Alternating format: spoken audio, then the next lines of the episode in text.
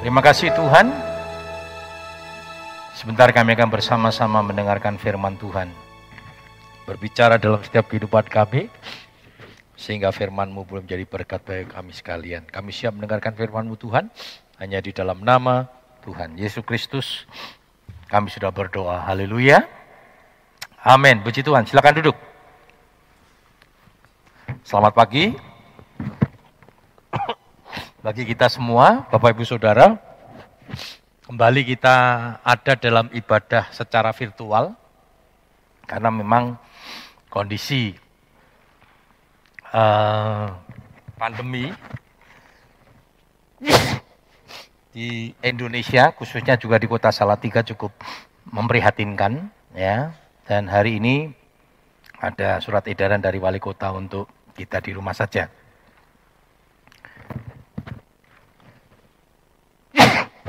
Kita berdoa bagi bangsa negara kita ini supaya Tuhan terus tolong dan lawati. Ya, puji Tuhan. Langsung saja kita akan bersama-sama mendengarkan firman Tuhan. Tema firman Tuhan kita pada pagi yang indah ini adalah BLT. Nah, apa itu BLT? Kalau dari pemerintah, BLT ini adalah bantuan langsung tunai, ya. Tapi pagi yang indah ini kita akan melihat BLT adalah bantuan langsung Tuhan. Ya, Bapak Saudara, dalam menghadapi pandemi ini, ya, baik dari pemerintah pusat, pemerintah uh, provinsi, pemerintah kota, ya, mengucurkan dana, ya, di Kota Salatiga kemarin Bapak Wali Kota menyampaikan bahwa beberapa RT-RT yang mengalami lockdown akan dibantu per kakaknya 200 ribu. Nah, saya nggak tahu Bapak Saudara termasuk RT yang di lockdown enggak Saudara ya. Kalau di kita nggak di lockdown Saudara ya gereja ya. Nek di lockdown kayak orang atau sewu ya kurang Saudara ya. Tapi puji Tuhan ya itu bentuk upaya. Jadi bentuk upaya dari pemerintah, bentuk perhatian dari pemerintah untuk masyarakatnya. Nah, kita bersyukur tetapi kita sebagai orang-orang percaya tidak mengandalkan BLT-BLT seperti itu. Ya, pemerintah memberikan perhatian, kita bersyukur, kita berterima kasih, tetapi jangan sampai kita mengandalkan itu. Nah, banyak orang akhirnya protes, banyak orang akhirnya uh, yang berdemo, ya, karena mereka menuntut supaya mendapatkan bantuan itu. Tetapi kita sebagai orang-orang percaya, kita percaya bahwa pertolongan kita, bantuan kita datangnya dari Tuhan. Amin. Mari kita melihat dulu Mazmur 121 ayat 1 hingga yang ketiga. Mazmur 121 ayat 1 hingga yang ketiga. Saya undang kita bangkit berdiri bersama-sama, Bapak Saudara yang ada di rumah. Kita bangkit berdiri, kita akan membaca ayat ini secara bersama-sama. Mazmur 121 ayat 1 hingga yang ketiga dikatakan demikian.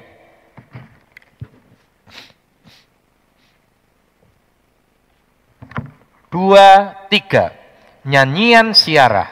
Aku melayangkan mataku ke gunung-gunung, dari manakah akan datang pertolonganku? Pertolonganku ialah dari Tuhan yang menjadikan langit dan bumi. Ia takkan membiarkan kakimu goyah, penjagamu tidak akan terlelap. Puji Tuhan. Ayat yang luar biasa. Yang meneguhkan kepada kita, dikatakan pertolongan kita itu datangnya dari Tuhan. Yang menjadikan langit dan bumi. Luar biasa. Saudara. Jadi pertolongan eh, sumber-sumber pertolongan kalau kita lihat secara manusia mereka terbatas.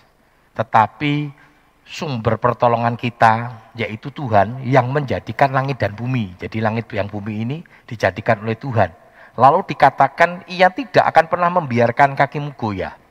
Artinya apa? Tuhan selalu memperhatikan bahkan dikatakan ia tidak akan terlelap. Penjaga kita yang menjaga kita itu tidak pernah tertidur. Ya, penjaga-penjaga yang ada di dunia ini, ya, papampres dan sebagainya, ya, mereka itu banyak sekali saudara, ya. Kalau saudara pergi ke kota Jakarta, papampres itu, aduh dia punya perumahan cukup besar dan elit, Ya, dan itu banyak sekali. Kenapa? Mereka harus menjaga secara shift. Nggak ada papampres menjaga 24 jam, ya, nggak ada, saudara. Mereka menjaga secara shift, ya, supaya apa? Mereka supaya fit. Mereka betul-betul, betul-betul diopeni, ya, di betul-betul difasilitasi supaya mereka betul-betul secara fisik, secara ini kuat sekali, saudara ya.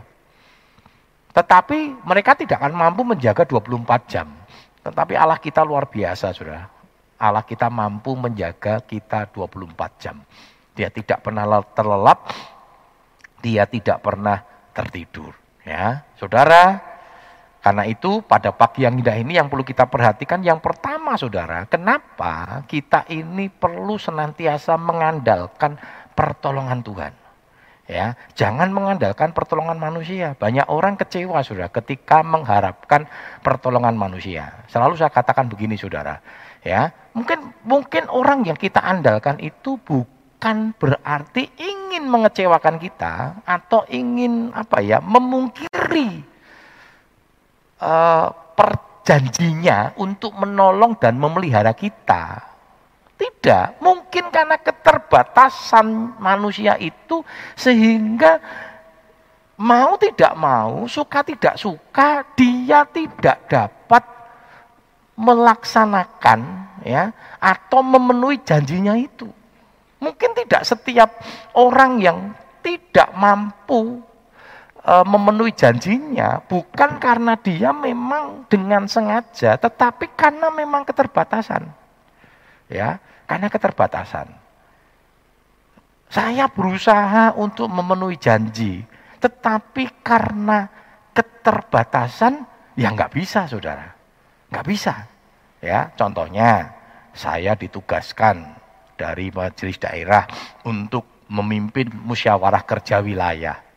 Yang kita sudah oke, okay. oke, okay, nanti tanggal sekian saya ditugaskan ke sana. Eh, pas hari hanya ya ada jemaat meninggal atau fisik kita lemah yang tidak memungkinkan kita berangkat ya jadi bukan karena dia punya niatan seperti itu tetapi karena manusia punya keterbatasan tetapi Allah kita itu luar biasa sudah makanya kenapa dia dikatakan tidak pernah mengingkari janji Allah kita ini Allah yang maha maha kuasa, maha adil, maha kuat, maha dahsyat. Ya, saudara, kekuatan manusia itu terbatas, karena itu jangan pernah kita mengandalkan kekuatan manusia. Yeremia 17 ayat 5 dan 6. 17 ayat 5 dan 6. Beginilah firman Tuhan, terkutuklah orang yang mengandalkan manusia, yang mengandalkan kekuatannya sendiri dan yang hatinya menjauh daripada Tuhan. Ia akan seperti semak bulus di padang belantara. Ia tidak akan mengalami datangnya keadaan baik. Ia akan tinggal di tanah angus di padang gurun, di negeri padang asin yang tidak berpenduduk. Iya, dikatakan terkutuklah orang yang mengandalkan kekuatan manusia, yang mengandalkan kekuatannya sendiri. Jadi mengandalkan kekuatan manusia lain, ya, orang lain, sesama yang lain, ataupun mengandalkan diri sendiri dikatakan terkutuk. Kenapa? Karena orang yang mengandalkan diri sendiri ini orang yang bodoh. Kenapa? Kita terbatas, saudara. Kita terbatas. Kita tidak mampu memenuhi setiap janji yang memang kita punya kerinduan untuk memenuhinya. Tetapi karena keterbatasan kita, kita tidak mampu. Manusia tidak akan bisa memenuhi. Ya, Makanya dikatakan di dalam satu Petrus bahwa semua yang hidup itu seperti rumput dan kemuliaannya seperti bunga rumput, artinya pendek bahkan kemuliaan manusia. Ya, kemuliaan manusia di dunia itu seperti bunga rumput. Masih ingat kalau kita lihat peristiwa di Alkitab Saudara, ada Saul yang hebat, kemuliaannya hebat, tapi matinya mengenaskan Saudara. Ya. Dia nggak punya otoritas lagi. Matinya mengenaskan. Kita masih ingat tokoh-tokoh di dunia yang otoriter. Ada Gaddafi, ada Saddam Hussein. Yang meninggalnya begitu mengerikan ketika dia punya kuasa dahsyat. Tapi akhir-akhir hidupnya akhirnya mengerikan saudara. Bahkan meninggalnya pun di jalanan. Gaddafi masih ingat saudara ya. Itulah kekuatan manusia. Karena itu jangan pernah kita ini mengandalkan kekuatan manusia. Jadi firman Tuhan katakan uh, sorry, uh, ada pepatah Jawa katakan ojo dumeh saudara. Ya, ojo dumeh itu katakan artinya begini, ojo dumeh kue iki sedang berkuasa. Karena satu kali yang namanya kekuasaan, yang namanya kemuliaan yang ada di dunia ini tidak akan pernah langgeng. Dan Alkitab memberikan contoh ya, ada Saul, ada Nebukadnesar masih ingat saudara ya, yang begitu hebat, begitu dahsyat, memimpin Babel, tapi akhirnya seperti lembu, dipluntir sama Tuhan otaknya sudah jadi seperti lembu, makan rumput. Luar biasa ini. Nah kenapa saudara? Tuhan ingin memberitahu kepada kita, kekuatan kita itu terbatas. Tetapi ada orang-orang yang selalu mengandalkan Tuhan, contohnya Daud. Walaupun Daud berapa kali menggunakan otoritasnya dengan berbuat salah, tetapi ketika Tuhan tegur Daud, dia minta ampun. Dia bertobat, saudara. Dia mengakui bahwa Tuhan itu yang lebih dahsyat. Kekuatan Tuhan dahsyat, kekuatannya nggak ada apa-apanya. Maka ketika Tuhan mau undur dari Daud, Daud menangis. Dikatakan jangan, jangan ambil rohmu dariku. Jangan ambil rohmu dariku. Karena Daud menyadari keberhasilan selama ini itu semua karena kuasa Tuhan. Nah saudara, lawan dari mengandalkan Tuhan apa saudara? Eh, sorry, mengandalkan manusia apa? Mengandalkan Tuhan. Dan Alkitab berkata, diberkati orang yang mengandalkan Tuhan. Coba kita lihat dalam Yeremia 17 ayat 7 sampai 8. Diberkatilah orang yang mengandalkan Tuhan, yang menaruh harapannya pada Tuhan. Ia akan seperti pohon yang ditanam di tepi air, yang merambat akar-akarnya ke tepi batang air, dan yang tidak mengalami datangnya panas terik, yang daunnya tetap hijau, yang tidak khawatir dalam tahun kering, dan yang tidak berhenti menghasilkan buah. Iya. Firman Tuhan katakan apa saudara? Diberkati orang yang mengandalkan Tuhan. Makanya jangan takut saudara. Kalau toh bantuan langsung tunai, pemerintah kita terbatas sudah. Pemerintah kita juga terbatas. Keuangan kita hari-hari ini, keuangan pemerintahan kita ini betul-betul kondisinya juga cukup kita perlu doakan saudara. Dan terbatas untuk memberikan bantuan kepada masyarakat di Indonesia walaupun pemerintah kita terus berupaya ya melalui pemerintah kota, pemerintah provinsi, melalui menteri sosial terus mengucurkan, tetapi kan nggak bisa saudara, kita nggak bisa mengandalkan itu, terbatas. 200 ribu untuk satu kakak saudara. Itu kalau dihitung-hitung ya nggak cukup, itu sifatnya bantuan. Sifatnya kontribusi, bukan pemenuhan. Tetapi percayalah saudara bahwa Tuhan kita selalu mencukupkan apa menjadi keperluan kita. Aman? Amin? Allahku akan memenuhi segala keperluanmu dikatakan. Makanya ketika saya jadi hamba Tuhan, saya tidak mau mengandalkan kekuatan manusia saudara. Walaupun sebagai hamba Tuhan yang masuk di dalam korpsnya GPDI, kita punya hak. Ya, kita punya hak untuk mengajukan bantuan Nah saya saat ini bendara sudah setiap hari itu kerjaannya ya ngirimin bantuan-bantuan dari pengajuan-pengajuan dana hamba-hamba Tuhan di GPDI Jawa Tengah. Ada 800 hamba-hamba Tuhan GPDI Jawa Tengah, saudara. Yang ketika mereka membayar perpuluhan, mereka punya hak untuk mengajukan bantuan. Tadi saya sedikit terlambat, kenapa harus ngirim bantuan dulu, saudara? Karena ada yang meninggal dunia. Ya, di minggu-minggu ini hampir setiap hari ada rekan-rekan hamba Tuhan yang meninggal dunia ya karena Covid. Kita doakan saudara ya supaya betul-betul Tuhan tolong, Tuhan jagai Ya, karena hamba Tuhan ini kadang harus turun dan sebagainya, ya.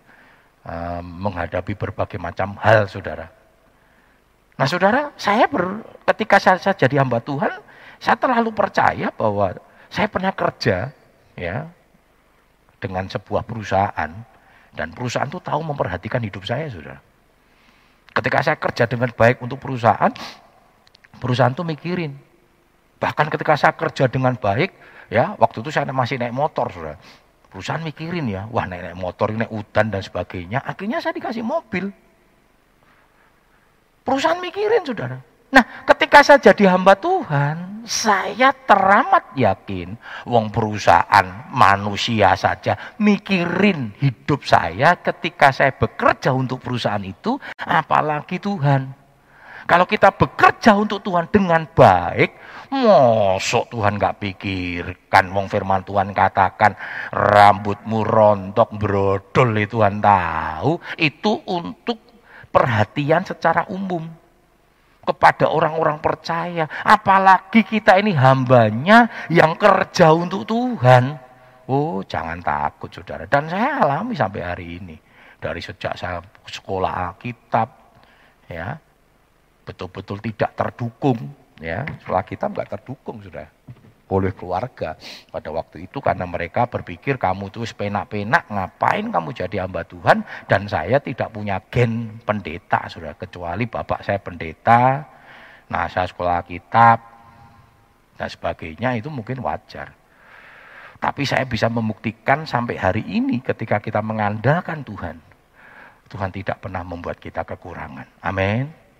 Karena itu bersyukurlah kalau ada kita mendapatkan perhatian dari pemerintah, perhatian dari manusia. Tetapi lebih utama jangan takut karena tadi dikatakan Tuhan itu tidak akan membiarkan kakimu goyah, dia tidak terlelap.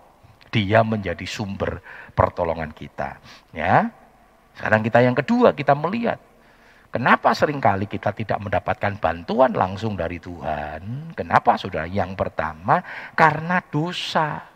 Dosa inilah yang menjadi penghambat bantuan Tuhan. Dosa inilah yang menghambat menjadi bantuan Tuhan. Kenapa? Karena ketika kita berbuat dosa, sama saja kita memisahkan diri kita dari Tuhan atau sedang kita kita sedang berkata bahwa kita nggak perlu Tuhan. Kita nggak perlu Tuhan. Coba kita lihat dalam Yesaya 59 ayat 1 hingga yang kedua. Sesungguhnya tangan Tuhan tidak kurang panjang untuk menyelamatkan, dan pendengarannya tidak kurang tajam untuk mendengar. Tetapi yang merupakan pemisah antara kamu dan Allahmu, ialah segala kejahatanmu, dan yang membuat dia menyembunyikan diri terhadap kamu, sehingga ia tidak mendengar, ialah segala dosamu. Perhatikan saudara, yang menjadi pemisah itu bukan karena tangan Tuhan kurang panjang. Telinganya kurang tajam. Tetapi yang membuat Allah menyembunyikan diri, menyembunyikan itu bukan berarti Allah delik sudah ya. Sepertinya kok Allah tidak melihat kita. Padahal tadi Allah berkata Allah itu tidak pernah terlelap, tidak pernah tertidur. Kok Allah ngerti? Bukan Allah tidak ngerti karena dosa itu. Dosa itu yang menghambat kita. Dosa itu yang membatasi kita untuk kita menerima bantuan Tuhan. Ya, untuk kita menerima bantuan Tuhan. Karena itu jangan hidup di dalam dosa. Ya, hiduplah di dalam kebenaran. Apalagi hari-hari ini sudah ya. Luar biasa sudah ya. Ini semakin kita diperhadapkan di gelombang yang kedua, sudah ya. Gelombang yang kedua itu mengerikan juga. Ya. Kenaikannya luar biasa, 25 ribu sehari. Minggu-minggu ke mana saya kurang tahu ini kok nggak nggak diupload lagi oleh dinas dinas kesehatan ya biasanya kami dari BKGS mengurus-mengurus BKGS itu mendapatkan informasi itu ya minggu-minggu yang lalu itu 100 100 lebih 200 waduh Luar biasa. Kita ma masuk ke zona merah level 4. Karena itu kita mau jaga betul-betul ya. Bantu pemerintah dengan protokol kesehatan. Saudara kemarin saya berpikir ya dengan adanya PPKM darurat itu sepi. Ya, padahal aturannya kan dikatakan tidak boleh uh, rumah makan take away, saudara ya. Uh, uh orang no beda nih, saudara ya. Mau ppkm darurat mau tidak ya podo wae, saudara ya. Ya karena itu kita harus ikut membantu pemerintah di dalam mengatasi ini. Ya hari ini ada gerakan di rumah saja. Karena itu ibadah kita cukup di pagi hari saja ya saya katakan kepada wadah-wadah yang adakan online hanya yang bertugas saja ya jadi kita kita ikut mendukung dan setelah selesai ini semua bisa kembali ke rumah ya kita ikuti apa yang disampaikan oleh pemerintah ya bapak saudara yang ada di rumah ya nikmati ada di rumah saja. Ya kalau tidak ada kepentingan jangan kita berpergian ke mana-mana. Ya kita dukung pemerintah kita. Nah saudara Dosa itu yang membuat kita terpisah dari Allah. Ya, dosa inilah yang membuat kita terpisah dari Allah dan yang paling mengerikan kita kehilangan kemuliaan Allah. Bagaimana kita mau mendapatkan bantuan kalau kita terpisah dari Allah, bahkan kita kehilangan kemuliaan Allah. Roma 3:23.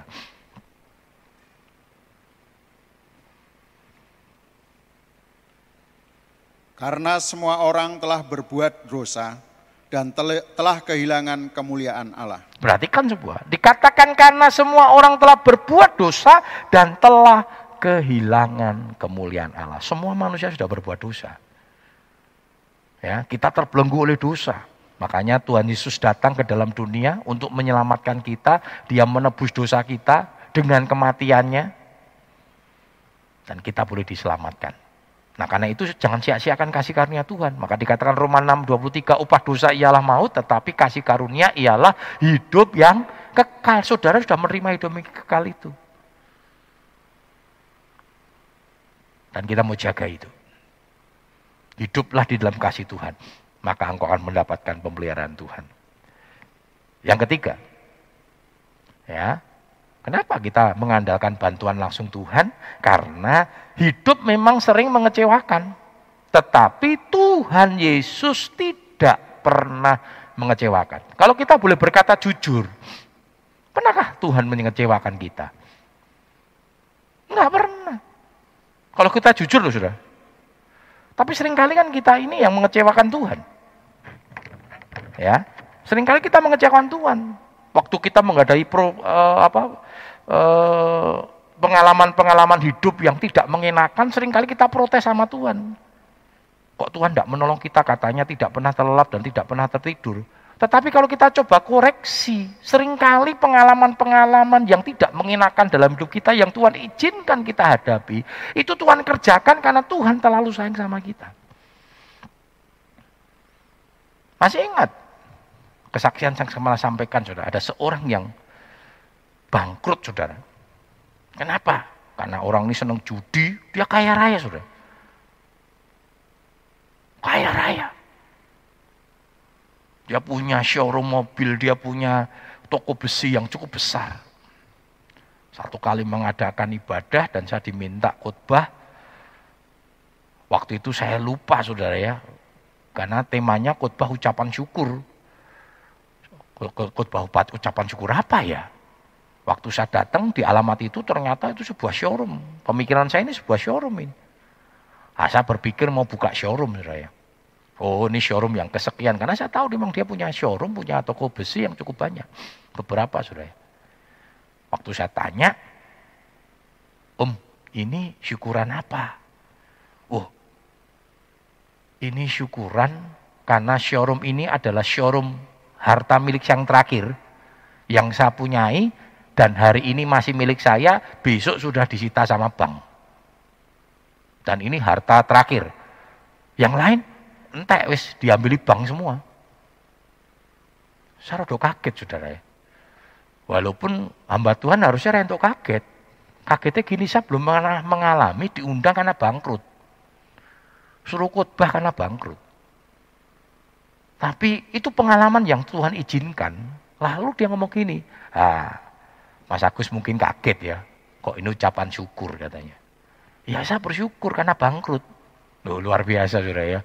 Ini bapak ini menjalankan firman Tuhan. Firman Tuhan katakan mengucap syukur dalam segala hal kok. Wong bangkrut mengucap syukur pendetone kaget, hamba Tuhannya kaget gitu ya Saudara ya. Oh dia ngomong, kenapa? Karena pada waktu saya berhasil, pada saat waktu saya mulia, saya kaya, saya lupa. Saya main perempuan, saya judi, dan Tuhan habiskan dalam waktu satu malam. Sehingga aset saya habis. Ini yang terakhir, besok saya akan ke Solo, dipinjemi kakak saya tempat yang kecil untuk saya membuka usaha yang baru. Luar biasa, saudara. Jadi dia bersyukur, saudara. Kenapa? Dia ngomong begini, coba Pak, Mas Agus, kalau saya tidak dibuat bangkrut sama Tuhan, hidup saya sudah kacau balau. Iya kalau Tuhan kasih kesempatan. Kalau pas hidup saya kacau balau, Tuhan panggil saya habis saya. Makanya saya bersyukur. Ini bagian dari rencana Tuhan. Oh luar biasa sudah. Jadi kadang peristiwa-peristiwa yang Tuhan izinkan terjadi, Tuhan punya maksud yang hebat. Rancangan yang hebat. Dan akhirnya dia mulai kembali, memulai usahanya dan diberkati oleh Tuhan. Tuhan nggak pernah mengecewakan, sudah. Tapi kita yang sering kali mengecewakan. Coba kita lihat di dalam Habakuk 3, 17, 19.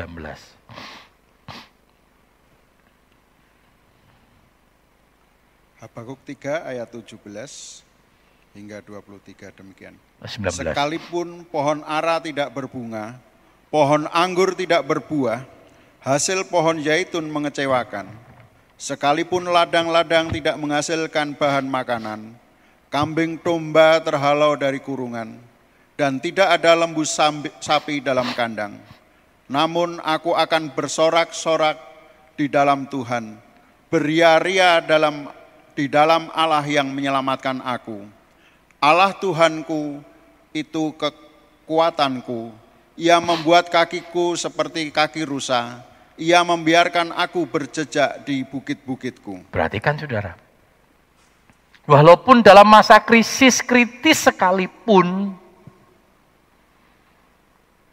Tuhan nggak pernah mengecewakan. Pertolongan Tuhan pasti datang. Nanti kan dikatakan, pertolonganku ialah dari Tuhan. Kadang Tuhan izinkan itu terjadi. Kita mengalami masa krisis, masa kritis. Tetapi itu tidak akan pernah membinasakan kita. Ada janda sarfat. Kritis kondisinya, krisis kondisinya. Eh bukan datang pertolongan, malah datang beban. Sepertinya ya, sepertinya beban. Tapi ternyata beban itu berkat, saudara. Kehadiran Elia itu menjadi berkat. Karena janda sarfat tadi dipelihara oleh Tuhan. Bukan dengan didatangkan tepung truk gitu saudara. Tidak, tetapi tetap dipelihara dengan tepung segenggam dan minyak sebuli-buli. Mungkin sampai hari ini rasanya sepertinya kita pas-pasan. Tapi tapi kita nggak kekurangan. Amin. Kita sebenarnya nggak pernah kekurangan. Merasa kurang, iya. Persoalannya kan kita ngerasa kurang terus. Karena kita nggak pernah menikmati berkat Tuhan. Pengkhotbah katakan apa? Ada orang dikasih berkat memiliki tetapi tidak diberikan berkat menikmati. Tapi ada orang diberikan berkat memiliki tapi tidak menikmati. Tetapi ada yang diberikan berkat tidak memiliki tetapi menikmati. Pilih yang mana? Nah, iso memiliki dan menikmati. Itu karep karepnya kita ya, maunya kita. Tapi semua Tuhan pelihara, Saudara. Kalau kita menikmati, Saudara, hidup ini Tuhan pelihara kok. Yang menikmati dengan berkatnya Tuhan, itu doanya Salomo kan? Dia nggak minta kaya, dia nggak minta miskin, tetapi minta makanan yang menjadi bagiannya supaya bisa menikmati. Kuncinya menikmati. Kalau hari ini kita baru punya sepeda ontel, nikmati sepeda ontel. Dengan sukacita. Wong sekarang banyak orang meninggalkan motor, balik sepeda ontel. Oh, tapi kan sepeda ontelnya larang om. Itu jutaan itu. Wah ya rapopo podo ya sepeda ontel podo malah sepeda ontel kita itu membuat kita sehat kok kempole gede-gede sudah ya. Karena orang nganggo presneleng ya. Di Jakarta itu sekarang ramai sekali orang naik sepeda ontel sudah sampai dibuatkan jalur sepeda. Nikmati sudah. Kalau baru kita menikmati sepeda motor ya nikmati. Saya pernah ngalami dari sepeda ontel, sepeda motor, ya kita nikmati dengan sukacita. Berapa kali saya saksikan kan, bertahun-tahun saya menikmati sepeda motor yang, waduh, tapi nikmati saja. Menjadi bagian dari berkat Tuhan. Ya, Saudara, Tuhan membuat segala sesuatu indah pada waktunya. Jadi nantikan aja pertolongan Tuhan. Nantikan bantuan langsung Tuhan daripada kita mengharap-harapkan bantuan dari manusia yang bisa saja membuat kita kecewa. Tetapi toh Bapak Saudara kalau mendapatkan bantuan langsung tunai, ya bersyukur saja. Karena itu bentuk perhatian dari orang-orang yang memperhatikan kita. Tetapi tidak pun saudara, saudara akan mendapatkan perhatian bantuan langsung dari Tuhan. Coba kita lihat dalam pengkhotbah 3 ayat 11. Ia membuat segala sesuatunya indah pada waktunya. Bahkan ia memberikan kekekalan dalam hati mereka. Tetapi manusia tidak dapat menyelami pekerjaan yang dilakukan Allah dari awal sampai akhir. Perhatikan saudara. Kita tidak dapat menyelami apa yang dikerjakan Allah dari awal sampai akhir. Tetapi rancangan Tuhan itu selalu indah dalam hidup kita. Perhatikan itu. Kalau kita mempercayakan hidup kita kepada Tuhan, jangan kita curiga dengan Tuhan.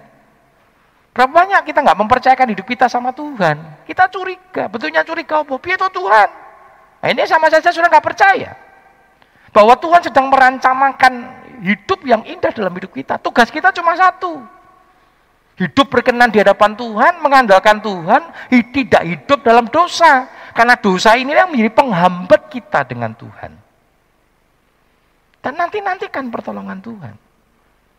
Karena Tuhan membuat segala sesuatu indah pada waktunya. Bahkan di tengah kondisi sulit, Habakuk katakan, dia tetap beria-ria, dia tetap bersuka cita di dalam Tuhan. Dan ini bukan sekedar firman yang hanya lip sync saja. Tetapi ini kebenaran yang sudah banyak dibuktikan, saya pribadi membuktikan bantuan langsung Tuhan ini sudah dengan mengandalkan kekuatan Tuhan kita bisa menikmati bagaimana kasih Tuhan menolong hidup kita. Puji Tuhan, firman Tuhan pada pagi yang indah ini mengingatkan kita. Firmanmu bekerja bagi kami semua Tuhan. Sehingga perjamuan yang kudus ini belum menjadi berkat bagi kami sekalian. Baik umat-umatmu yang saat ini menikmati ibadah secara online. Mereka ditetap diberkati dengan berkat yang sama. Allah yang kita sembah adalah Allah yang hadir di mana pun. Terima kasih Bapa, terima kasih Allahku. Hanya di dalam nama Tuhan Yesus Kristus kami sudah berdoa. Haleluya. Amin.